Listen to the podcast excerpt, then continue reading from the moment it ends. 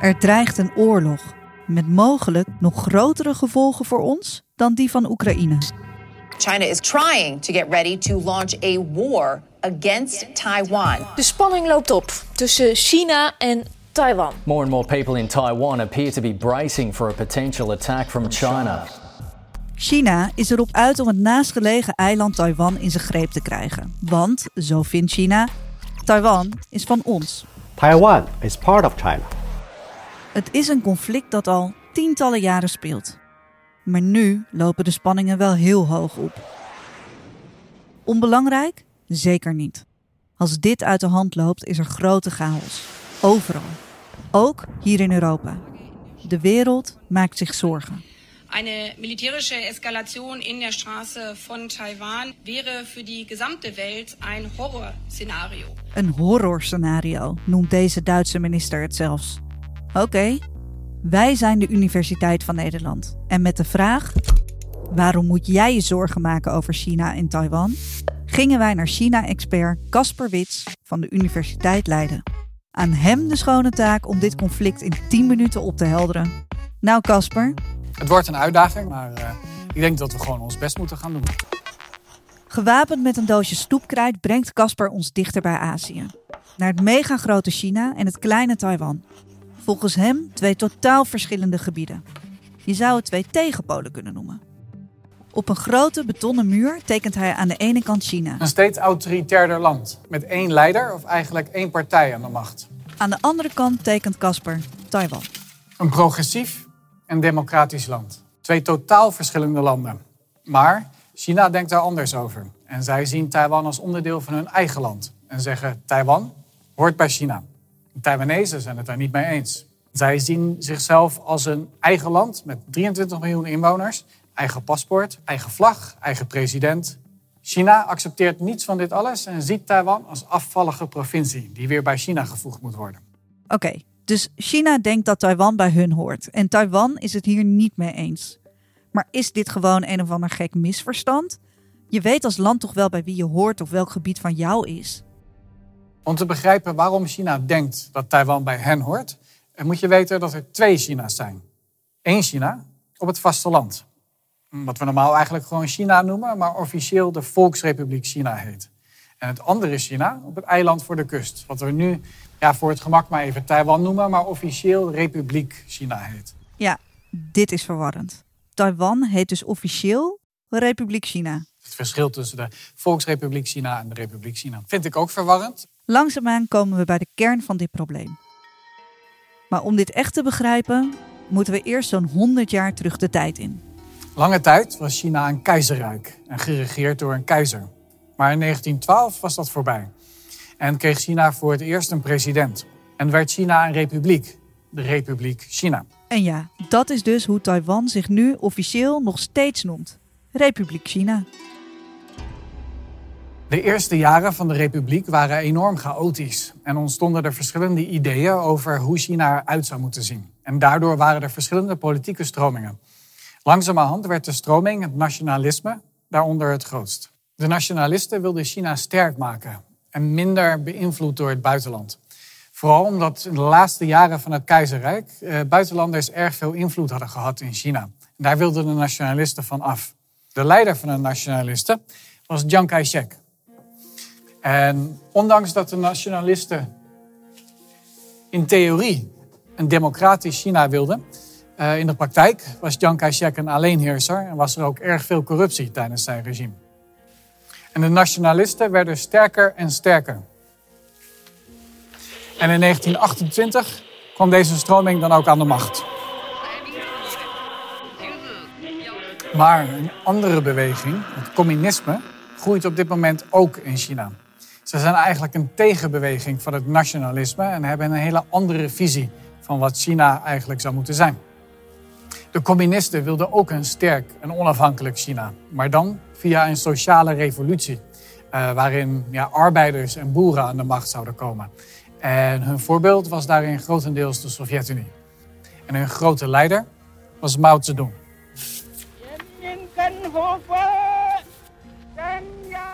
En deze politieke stroming zal ook enorm groeien in China.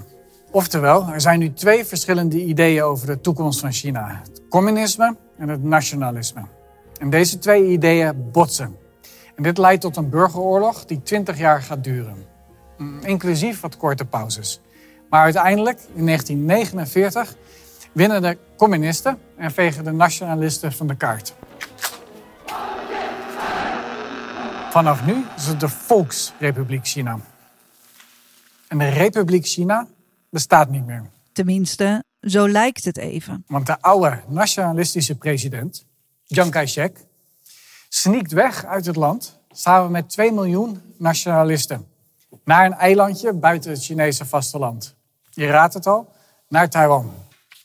En hier zet hij de Republiek China voort. En vanaf dat moment zijn er dus twee China's.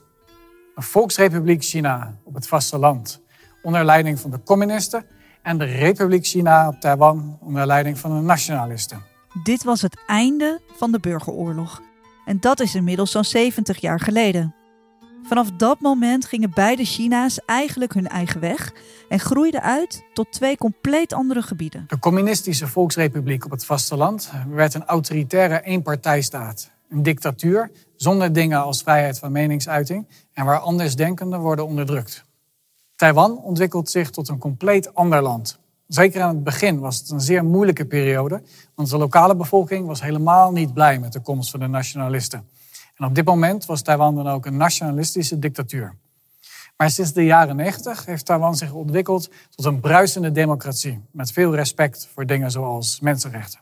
Het is bijvoorbeeld het enige land in Azië waar het homohuwelijk is gelegaliseerd. Er zitten erg veel vrouwen in de politiek, eh, waaronder de huidige president. Je zou denken, ze leven nog lang en gelukkig. Beide landen kunnen in principe hun eigen ding doen volgens hun eigen idealen. Maar China legt zich daar niet zomaar bij neer. Want zij hebben immers 70 jaar geleden de Republiek China veroverd. En daar hoort Taiwan dus ook bij. Maar we zijn inmiddels wel al 70 jaar verder. En Taiwan doet lekker zijn eigen ding. Je kunt je dan afvragen: als China vindt dat Taiwan bij hen hoort, waarom grijpen ze dan nu pas in? Eigenlijk is het antwoord daarop vrij simpel. En was China telkens met andere dingen bezig. Eerst de Koreaanse oorlog, een hongersnood, toen economische hervormingen. Uh, kortom, er waren telkens andere prioriteiten. En hoe langer dit duurt, hoe moeilijker een zogenaamde hereniging wordt. Taiwan onderhoudt goede banden met landen zoals Amerika, Japan, Zuid-Korea en ook Europa. En Taiwan is wereldwijd een van de belangrijkste spelers op het gebied van high-tech en chips. Taiwan kan als een van de weinigen in de wereld chips maken die cruciaal zijn voor de technologische vooruitgang van de rest van de wereld. Daarnaast ligt Taiwan ook op een hele strategische plek voor internationale vaarroutes. Dat is precies waar die Duitse minister aan het begin van dit verhaal, van het horrorscenario, zich zorgen over maakte. Een militärische Eskalation in der Straße von Taiwan durch die täglich 50% des Welthandels fließen. 50% van de wereldhandel gaat langs Taiwan. Daarom is het conflict niet zozeer alleen nog maar een conflict tussen twee China's, maar een conflict voor de hele wereld. Kortom, Taiwan is echt wel belangrijk voor onze economie en kan rekenen op een hoop steun. Toch? Nou, daar staat een groot vraagteken. Want aan welke kant staan wij? Hoe groot die chipbusiness van Taiwan ook is, uh, het is vrij klein in vergelijking met de totale hoeveelheid handel die wij drijven met China. We hebben de laatste cijfers van het CBS erbij gepakt. En het klopt. In 2021 importeerden we voor 6 miljard euro aan goederen uit Taiwan. En maar liefst voor 48 miljard goederen uit China. 6 miljard, 48 miljard, dat is dus 8 keer zoveel. En dit neemt elk jaar alleen maar toe. We zijn dus eigenlijk te economisch afhankelijk van China. En zonder China klapt onze economie. En daarom houden we China maar graag te vriend. En om deze reden erkennen we ook maar één China, uh, zoals China dat wil. Dus Taiwan bestaat niet. Dat wil zeggen, we erkennen het niet als land. En internationaal gezien betekent dat dat bijvoorbeeld bij de Olympische Spelen Taiwan alleen maar mee mag doen onder de vreemde naam Chinese Taipei. Chinese Taipei. Taipei. Het betekent ook dat Taiwan niet mag meedoen aan bepaalde internationale overlegorganen. Zelfs als het over hele belangrijke onderwerpen gaat, zoals tijdens de coronapandemie. Ook heeft de Taiwanese ambassade in Nederland uh, niet het recht om zich ambassade te noemen. Ondanks dat zo'n gebouw wel degelijk bestaat. Uh, maar ze mogen ook niet de Taiwanese vlag uithangen. We geven China dus eigenlijk hun zin. Maar we stellen één hele belangrijke voorwaarde. Dit conflict met Taiwan mag niet zomaar met geweld opgelost worden. Het Westen wil vooral geen oorlog. China houdt zich daaraan omdat China ook weer afhankelijk is van de westerse wereld. Als China het Westen boos zou maken, kunnen we ook economische strafmaatregelen, dus uh, sancties, opleggen. En dit soort sancties kan de Chinese economie erg hard raken. Dus voorlopig houdt China zich nog gedijst. Tot nu toe. Want inmiddels is het onrustig. Another day of unpredictable Chinese drills around Taiwan this morning. Wat is er gebeurd? De aanleiding is vooral één man. President Xi Jinping, die sinds 2012 aan de macht is. En heeft aangegeven uh, dat het innemen van Taiwan hoog op zijn wensenlijstje staat. Hij heeft aangegeven eventueel wel geweld te willen gebruiken tegen Taiwan. Ja, dat laat hij ook zien met militaire oefeningen. And so an invasion scenario is being rehearsed. Het lijkt nu opeens een stuk realistischer dat China Taiwan gaat aanvallen. En we zien dat China al bezig is uh, zichzelf economisch minder afhankelijk te maken van de rest van de wereld. Uh, waardoor ze sancties van het Westen beter zullen kunnen weerstaan. Veel experts denken dan ook dat China binnen een paar jaar in staat is Taiwan binnen te vallen. Als dat gebeurt, wordt het oorlog. Taiwan gaat zich daar absoluut niet bij neerleggen en wil niet bij het communistische vasteland horen. De jeugd is uitermate progressief en hecht aan de democratie. Dus die gaan tegengas geven en dat gaat bloederig worden. En dit gaan ook wij voelen. Want de Taiwanese chipbedrijven kunnen vallen. En ook wij komen voor enorme dilemma's te staan. Want blijven we China steunen en doen we oogkleppen op?